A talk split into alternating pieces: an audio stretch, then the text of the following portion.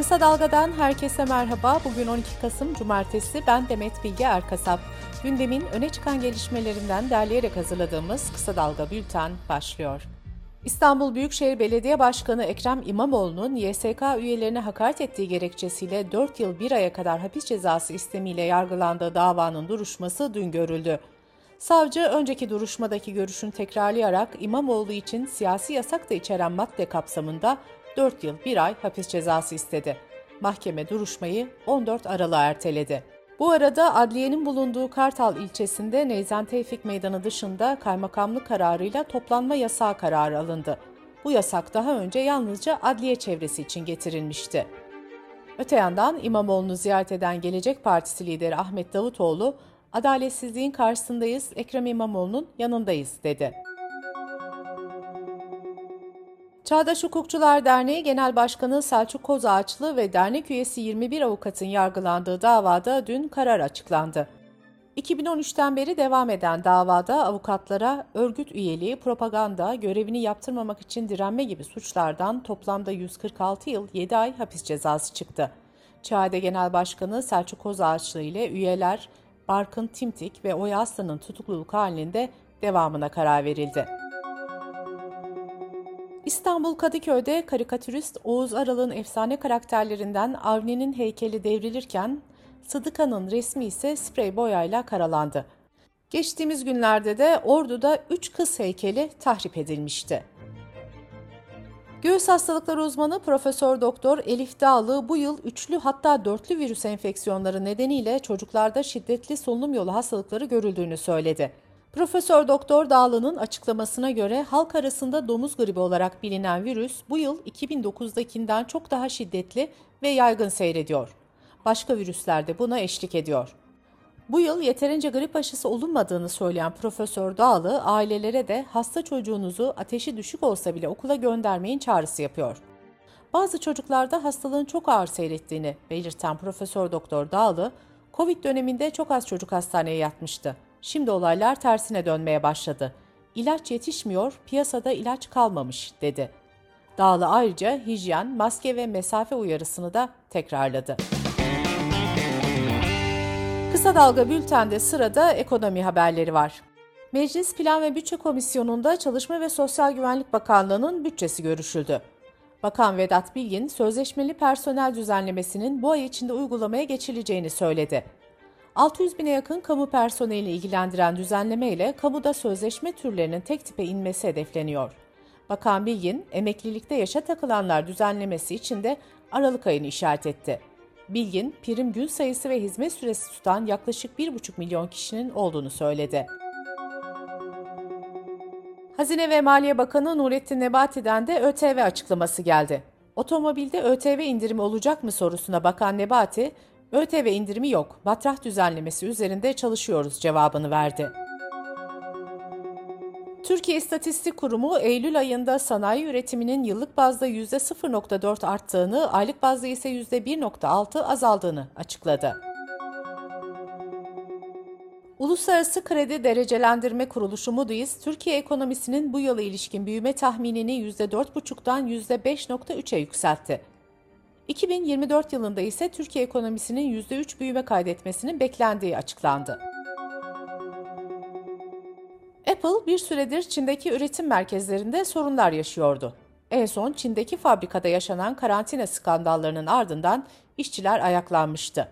Fabrika Apple'ın yoğun siparişlerine rağmen kapatıldı ve iPhone 14 Pro üretimi de otomatik olarak durdu. Twitter'ın yeni sahibi Elon Musk'ın ABD'de 8 dolar olarak belirlediği Mavi Tik ücretinin Türkiye fiyatı da açıklandı. Mavi Tik, Türkiye'deki kullanıcılar için 109.99 TL olacak. Mavi Tik için ödeme yapanların bazı avantajlara sahip olacağı ve reklamlara daha az maruz kalacağı belirtildi. Dış politika ve dünyadan gelişmelerle bültenimize devam ediyoruz. İran'da 16 Eylül'den bu yana süren protesto gösterilerine güçlü destek açıklayan Almanya, Tahran yönetimi üzerindeki baskıyı da artırıyor. Almanya Dışişleri Bakanı protestoların bastırılmasından sorumlu olanlara yaptırımların genişletileceğini duyurdu. Tahran yönetiminin Almanya'dan verilen mesajlara yanıtı gecikmedi. İran Dışişleri Bakanı, kışkırtıcı, müdahaleci ve diplomatik olmayan tutumlar gelişmişliğe ve bilgeliğe işaret etmez. Eskiye dayanan bağları zayıflatmanın uzun vadeli sonuçları olur mesajını verdi. Dünya genelinde enerji krizinin yaşandığı bir dönemde gerçekleşen COP27 Birleşmiş Milletler İklim Zirvesi Afrika ülkelerinin fosil yakıt restine sahne oldu. Namibya temsilcisi kendi sahip oldukları fosil yakıtları kullanmak yerine temiz enerjiye geçmeleri konusunda gelişmiş ülkelerin verdikleri mali destek sözlerini tutmadığını belirtti. Fosil yakıt kaynaklarını çıkarmayı azaltma konusunda daha önce verilen taahhütlerin Ukrayna Savaşı'ndan kaynaklanan enerji kıtlığı nedeniyle geri plana bırakıldığı savunuldu. Düşük karbonlu enerjiye geçmek konusunda bağlayıcı taahhütleri olan ülkelerin bile önceliklerini değiştirdiği belirtildi. Beyaz Saray'dan yapılan açıklamada ABD Başkanı Joe Biden'ın Çin Devlet Başkanı Xi Jinping ile 14 Kasım'daki G20 zirvesi kapsamında bir araya geleceği bildirildi.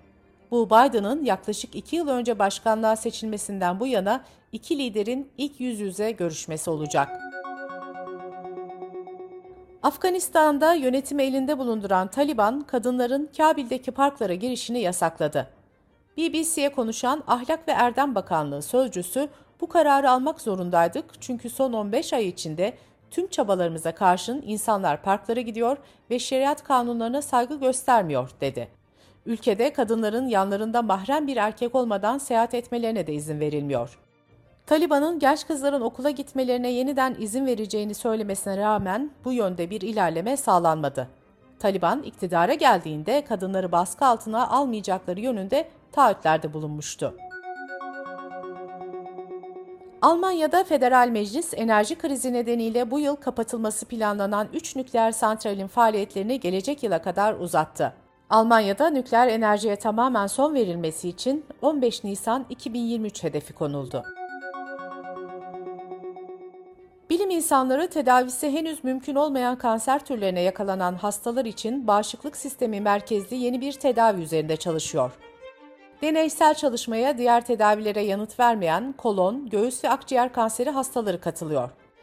Kaliforniya Üniversitesi'nden Doktor Anthony Ribas'ın bu kişiye özel kanser tedavisi geliştirilmesi çalışmalarında ileriye doğru bir sıçrama diye nitelendirdiği yeni çalışmada bağışıklık sisteminin yeniden tasarlanarak tümöre saldırması amaçlanıyor. Deneyin ilk sonuçlarına göre 16 hastanın 11'inde hastalık ilerlerken 5'inde ise yatay bir seyre geçti. Belçika'da tam zamanlı bir işte haftada 5 gün yerine 4 gün mesai yapabilmeye olanak sağlayan düzenleme 20 Kasım'da başlıyor. Yeni düzenlemeyle çalışanların saat sayısı, maaşı ve sosyal hakları aynı kalacak. Ancak 5 günde yapmaları gereken işi 4 güne yayabilecekler.